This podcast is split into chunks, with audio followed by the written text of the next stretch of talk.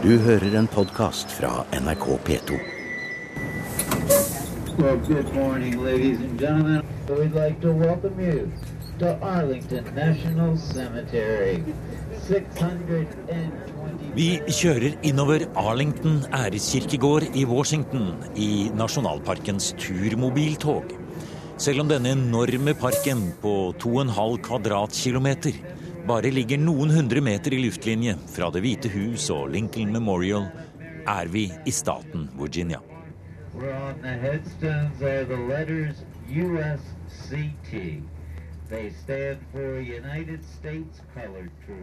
Mer enn 300 000 gravstøtter bølger fram over bakker og enger. Her ligger militære helter fra borgerkrigen og fram til Irak og Afghanistan. Og stadig nye kommer til hver eneste uke. Tour of Arlington is not yet complete. You can go up the steps just to the right into General Lee's home and catch another bus every 20 Grunnen til at vi er her, er at vi vil besøke den vakre, gulmalte herregården med greske søyler, som ligger på en høyde og ser utover æreskirkegården og hovedstadens gater og berømte monumenter.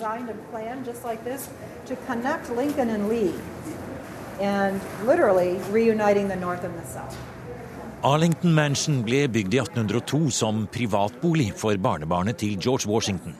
Og i 1831 giftet en lovende offiser i US Army, Robert E. Lee, seg med datteren i huset. Og her bodde de til borgerkrigen brøt ut. Men da så general Lee det som en æressak å lede Virginias hær. Og slik ble mannen fra Arlington den mest berømte generalen i sydstatshæren. På samme måte som general Ulysses S. Grant ble det for nordstatshæren. Her står vi inne i stua til Robert E. Lee, og vi eh, ser rundt oss, og vi er i et sydstatshjem her nå, enda vi er midt i Washington. Ja, nå er vi jo faktisk i sydstaten i Virginia. Selv om vi er et eh, steinkast unna Washington. Og så føles det også veldig engelsk. Dette er den, den gamle tid som fortsatt henger igjen her. Eh, Disse flotte middagene hadde ikke vært mulig, så det, hvis ikke hadde vært for kokken som var slave. Nei. Og da ser vi jo igjen forbindelsene til, eh, til en av røttene til denne konflikten. Robert Hilly er jo Altså I dag er han en slags helteskikkelse. Men eh, valgte jo da å bli sørstatenes fremste general. Men fikk muligheten til å bli øverstkommanderende for nordstatsstyrkene i 1861. Så han sitter da her, vi kan kanskje tenke oss her i denne stua, og grubler gjennom dette, og velger da å følge med sin stat, Virginia, fremfor unionen. Han kommer aldri tilbake hit. Han, eh, han lever ikke så mange år etter krigen og er selvfølgelig en nedbrutt mann. Han, eh, han var i Washington og kunne da se opp på sitt gamle hjem, Ja. som ligger her på høyden rett over Washington, Ja. og som da hadde blitt kirkegård. Og hvor de aller fleste på det tidspunktet jo var de falne fra den borgerkrigen som han hadde vært en så fremtredende karakter i. Ja, og det må ha vært en, eh, en veldig spesiell følelse. Og huset her det blir okkupert med en gang krigen bryter ut, og de må bare flykte.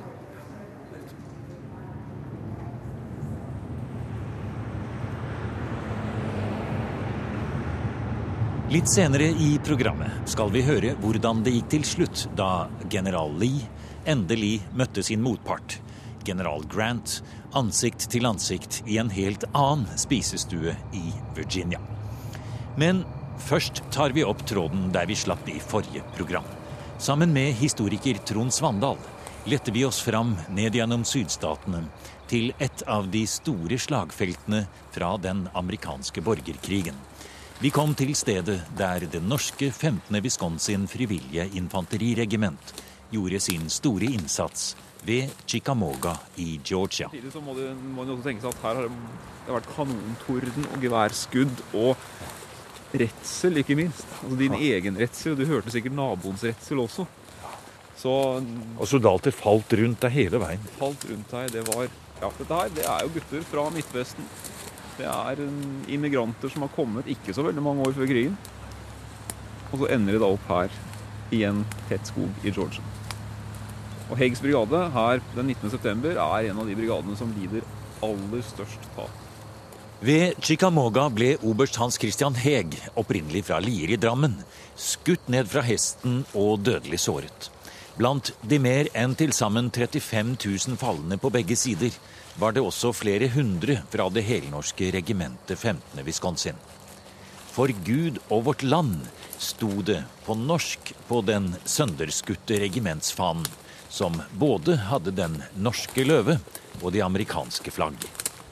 Skal ha vært her i nærheten de var, altså. Her. Se her. Her kommer det. Hva er, å, se Her her. står det et, eh, et blått skilt, og her står det rett og slett Heggs Brigade. Ja, da har vi funnet en av nordmennene våre, da. Da har vi funnet dem.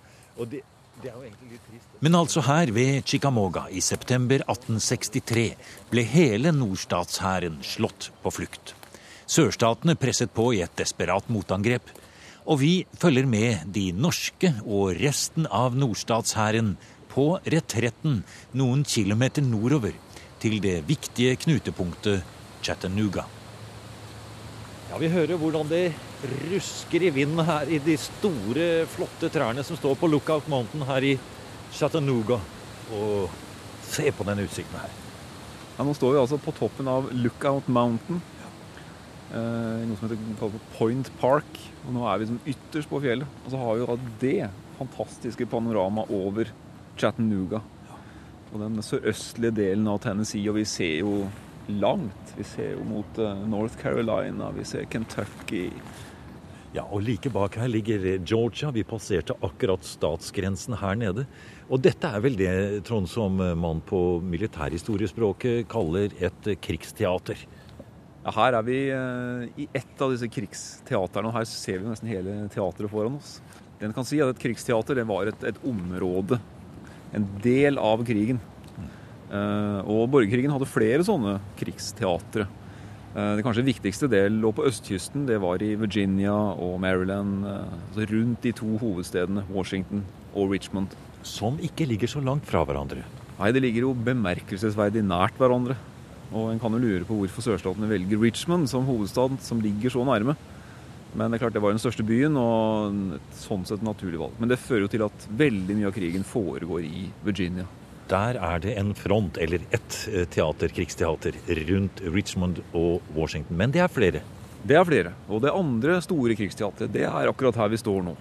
I Tennessee og senere da sørover i Georgia, mot Atlanta. Og her var det da at på en måte avslutningen av Chicamoga-slaget også finner sted. Chattanooga var et veldig viktig kommunikasjonsknutepunkt her i øst i Tennessee. Her gikk eh, jernbanene videre mot, eh, mot Virginia og mot Richmond, videre sørover mot Atlanta og vestover, eh, nordvestover mot Nashville. Så dette her var et, et vikt, veldig viktig strategisk mål for nordstatene, og selvfølgelig et kjempeviktig mål for sørstatene. Å beholde Chattanooga. Og det er jo over da, høydene her. Hele resten av denne Army of the Cumberland, som den het, nordstatshæren, kommer stormende tilbake. Med general Rosecrans i spissen. Han rømmer liksom alle de andre. Bortsett fra en liten gruppe som klarer å vokte tilbakegangen. Byen Chattanooga den, den ligger der, i denne svingen i eh, elva her. Eh, den er jo selvfølgelig den var mye mindre enn den byen som vi ser brer ut seg her nå. Men eh, det som var igjen av Nordstatshæren, den befester jo da Chattanooga. Og befester jo hele dette området vi ser nedenfor her. Og de klarer å holde en forbindelseslinje åpen. Det blir Vi ser elva renner videre her, og, så man klarer å få inn forsyninger. Sørstatene klarer aldri å omringe hele byen. Og Det er nok det som også redder nordstatshæren som ligger her. Og når vi snakker om forsyninger og hvordan eh, nordstatshæren her ligger og da slikker sine sår, bokstavelig talt, og får inn nye forsyninger, hva slags forsyninger var det? Hva, hva ser vi for oss av, nær sagt? Eh, vi har jo snakket om de nordmennene som var med, men dette gjelder jo selvfølgelig alle soldatene i nordstatshæren der. Hva var rasjonene? Hva var det man, hvordan, hvordan så det ut på det området? Ja, det, det var en ganske nøktern uh, diett. Uh, det var mye tørka kjøtt. Tørka og salta kjøtt. Kunne selvfølgelig holde seg lenge. Så hadde særlig nordstatene noe man kalte for hardtax, som var en, en vanlig del av forsyningen. Det var en, en hard kjeks.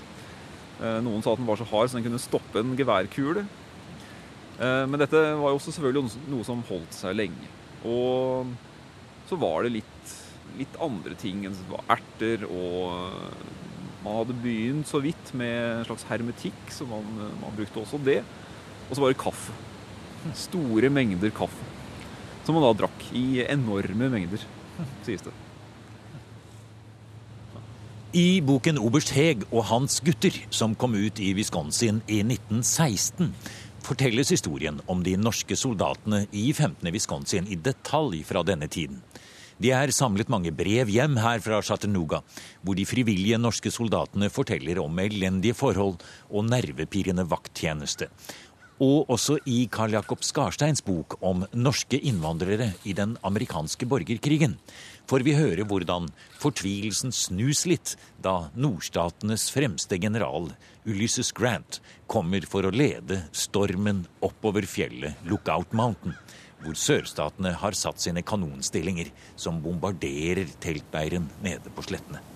Aller først så setter de i gang en offensiv hit, hvor vi står nå, på Lookout Mountain. Mm -hmm. Og det går overraskende bra. De klarer å innta De klatrer opp de denne brø... Det er veldig bratt her. Det er kjempebratt, og det er helt utrolig at det går. Og den dagen er det tåke, har jeg lest også, så de ser ikke engang toppen av her som vi står nå. Nei, og de kaller jo hele dette slaget for 'Battle above the clouds'. Ja. Det var tåke og skyer, lave skyer. og det var virka som et kaos, og sørstatstroppene som sto her oppe, må ha blitt helt overraskende. Og de vinner. Og det er en viktig seier. Eh, for da er forbindelseslinjene vestover åpne igjen. Mm. Eh, med forsyninger og båttransport på, på elva her. Og, ja. og, jernbanen kunne åpnes igjen. Nå har jo situasjonen blitt litt bedre for restene av den norske, eh, de norske soldatene også, som er sammen med nordstatshæren der nede. Men det er jo på ingen måte over. Det er på ingen måte over. Og hvis vi skal følge disse nordmennene igjen, så var det det var ikke mer enn i underkant av 100 igjen etter slaget ved Chickamauga. Vært, av eh, totalt 800 som, som starter i 15. Wisconsin. Over 800. Ja. Selvfølgelig mange lå syke, mange hadde dødd allerede. Eh, og de få som er igjen, de kommer jo da til Chattanooga. Mange blir liggende syke her nede i lasarettene og forferdelige forhold nede i byen her. Og så kommer da noen av reservene, disse kompaniene fra andre steder, kommer hit. Og så er de med, nesten i fremste linje, når Grant setter inn offensiven sin. Og hvis vi ser ned på sletten igjen, så, er, eh, så feirer en da over et par høydedrag nede på sletta her. Eh, nordmennene er med foran. Og så fortsetter de da opp mot Missionary Ridge. De har fått et ry, antagelig, de da. Altså, de er i første rekke. Det må jo være egentlig en eh, form for ære, hvor grotesk det enn høres ut. Ja, de hadde nok et ry for å, for å gjøre en bra jobb. Og de var også kjent som et regiment som trakk seg veldig sent tilbake. Eh, det, men det er ganske åpenbart. Vi, vi, har flere brev bevart fra soldatene. og De håpa nok at de skulle slippe å være med den gangen her. Men, men de blir satt inn, og de gjør en hel innsats. De mente kanskje at nå hadde de på en måte gjort det de skulle gjøre? De som hadde ligget her, var nok ganske demoralisert. Men så kommer nok Grant og får opp moralen igjen. Og så seirer de. Og så seirer de. Og det er nesten helt utrolig at dette her går bra. Og de angrepet bare ruller da opp på toppen av høyden. Og igjen, der er nordmennene med. De løper opp fjellsiden. Og de mister faktisk ingen i det angrepet her. Og dette blir jo da, blir, da kan vi snakke om starten på slutten av hele borgerkrigen. Her er starten på slutten, virkelig. Og Sørstaten hadde lidd eh, store tap, men, men her er, begynner eh, virkelig slutten. Og så starter denne berømte marsjen mot havet hvor general Sherman, William Tecumseh Sherman, som også var med her ved, Chattanooga Han overtar kommandoen, har kommandoen og sender av denne hæren gjennom, gjennom, Georgia, gjennom hjertet av staten, ned mot kysten. Og på veien så brenner de og ødelegger, plyndrer det som er. For nå skal krigen avgjøres. Nå skal det ikke være noe igjen som disse opprørerne skal kunne bruke til krigen. Og vi hører i bakgrunnen her Vi står nå eh, her oppe på Lookout Mountain i Chattanooga. Vi hørte nå nettopp en togfløyte som går der nede. Vi hører den bakgrunnen. Det er vel det Chattanooga Choo-Choo, tenker jeg, som går. Ja, det er det. mye er det. Eh, når du forteller om disse grusomme tingene som skjedde etter slaget her, hvor altså Man brenner ned gjennom hele Georgia. Det er vel der vi har tatt av vinden, da. Da er vi inne i historien til Tatavinen.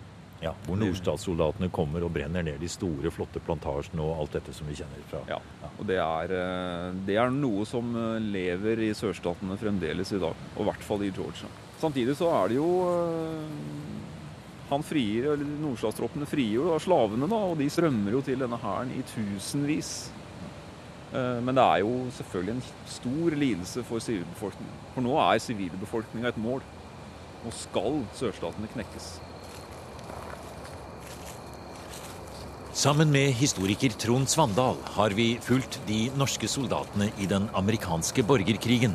På slagmarken i Georgia og Tennessee, fra Chicamoga til Chattanooga. Nå vender vi kompasset nordover og følger kolonnene med soldater gjennom North Carolina og inn i Virginia. Vi passerer kjente slagsteder som Fredericksburg og utbryterstatenes hovedstad Richmond.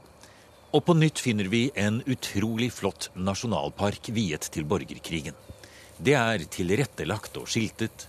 Visitorsenter, vandrestier, monumenter og hundrevis av mål med vakre enger og skoger. Kontrasten til slakteriene som foregikk her for 150 år siden, er helt uvirkelig. Ja, nå er vi da noen mil nord for Richmond. Og vi er nå i eh, kanskje et av de mest slagtette områdene. Og vi er ved, i nærheten av Spotsylvania Courthouse. Og vi er nå i sluttfasen av borgerkrigen.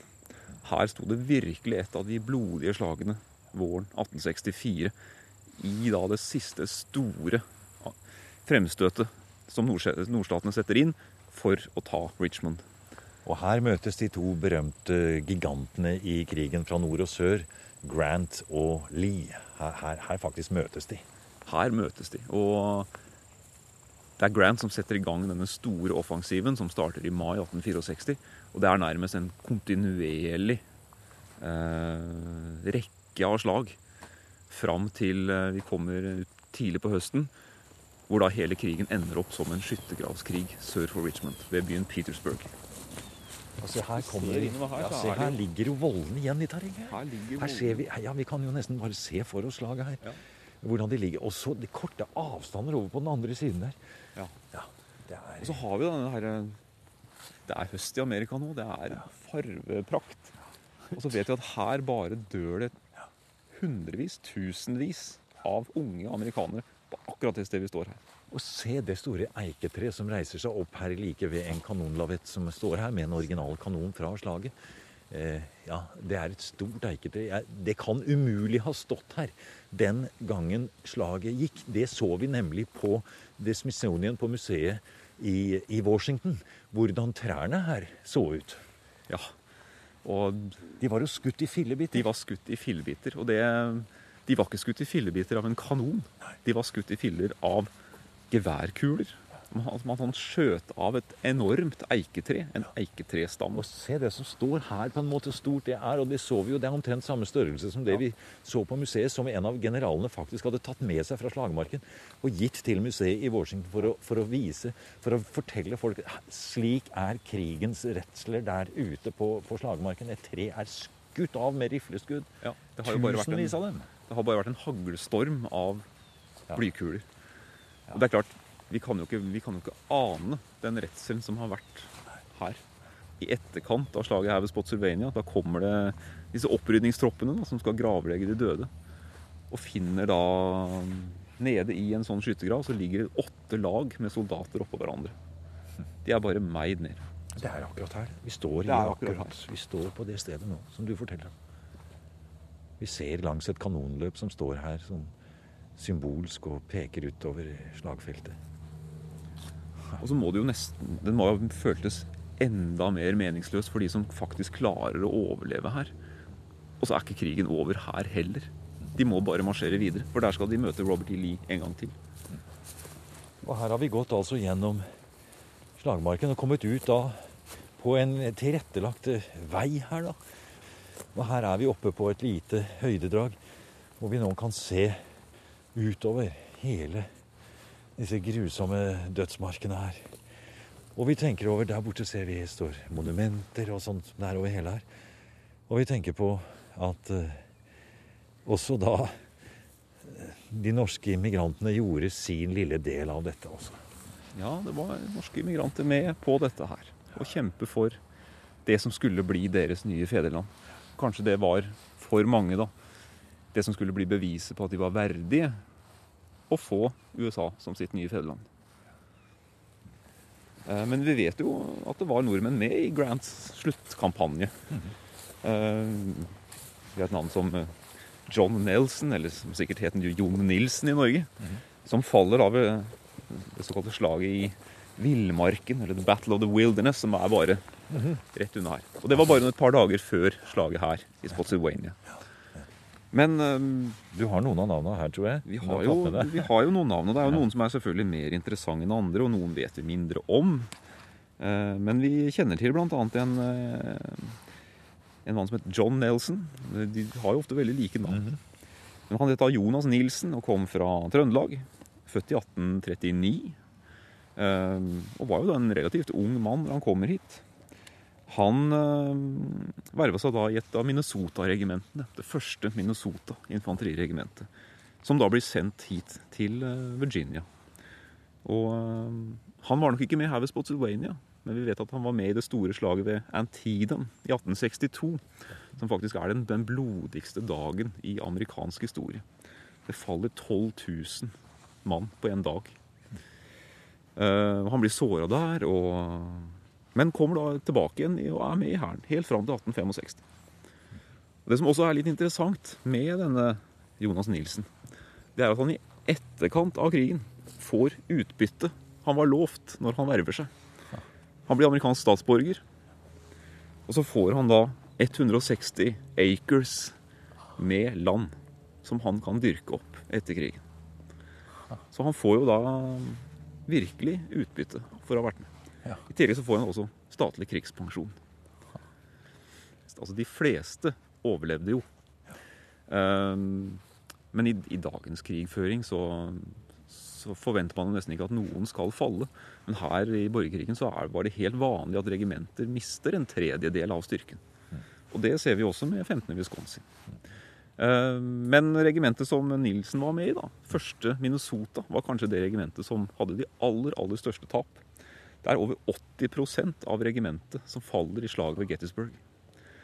De kommer inn i en veldig vanskelig situasjon og blir da bare meid ned, og det er nesten ingen igjen. Men vår nordmann her, da, han, han klarer seg på mirakuløst vis gjennom alle fem år. Å kunne nyte sine 160 acres og krigspensjon eh, etterpå. Og kanskje han også var med i en av disse kommisjonene som kom tilbake til slagstedene og pekte ut eh, steder og reiste alle disse monumentene som vi har fortalt om, som skjedde gjerne sånn ja, rundt eh, århundreskiftet 1900 f.eks. Ja, det skal vi jo ikke se bort fra. Og det er klart, det ser vi også, at i etterkant av borgerkrigen så ble disse veteranorganisasjonene veldig viktige. Og de har nok også vært med på å gjøre minnet om krigen så levende som det har vært. Eh, Den store organisasjonen den het The Grand Army of the Republic. Og ble faktisk en, eh, en politisk faktor også i åra etter krigen. Og selv om krigen var slutt på slagmarken, var det ikke slutt likevel. Abraham Lincoln ble skutt og drept i teatret av en sydstatsfanatiker, mens nordstatenes general Ulysses Grant ble valgt til president. En av sydstatsgeneralene grunnla Ku Klux Klan, og rekonstruksjonen av unionen gikk sin gang helt til borgerrettskampanjene på 1960-tallet. Men hvordan gikk det nå med mannen fra Arlington, Robert E. Lee? Hva skjedde når han til slutt måtte kapitulere personlig for general Grant? Det ender veldig fredelig og rolig. Eh, Lee trekker seg vestover. Han prøver å komme seg sørover og knytte seg sammen med noen sørstatstropper som er igjen eh, rundt omkring, men, men det er håpløst. Så ved et lite, et lite veikryss som heter Appomattox, der er Lee nødt til å overgi seg. Han skjønner at nå er, nå er alt tapt. Hæren er omringa av nordstatstroppene, og Grant ligger der med, med overwhelming force, som, som vi kan si. Og han sender da fram en eh, parlamentær med et hvitt flagg og ber om eh, forhandlinger. Og dette her er jo Grant eh, strålende fornøyd med. Nå er krigen over. Og de møtes da i et, et av husene i denne landsbyen. som ved en skjebnens ironi tilhører en mann som heter Wilbur McLean. Han hadde flytta til denne landsbyen eh, i 1861, for han ville komme unna krigens redsler i Nord-Virginia. Og Wilmer McLean eide da et hus på det første slagfelt, ved Bull Run. Så han skal da ha sagt i etterkant at uh, krigen den startet i min, uh, min, hage og sluttet i min spisestue. Og men, men på to forskjellige steder? Men på to forskjellige steder. Og uh, i denne stua da, så møtes da Grant og Lee for første gang i løpet av denne borgerkrigstida. Og dette var virkelig et møte mellom gentlemen. Grant gir Lee veldig gode betingelser. Store Rasjoner deles ut til disse utsulta sørstatssoldatene, og de får lov å marsjere hjem med eiendelene sine og må selvfølgelig levere våpen og annet utstyr. Men da er Lees Army of Northern Virginia oppløst, og krigen er i praksis over. Du har hørt en podkast fra NRK P2.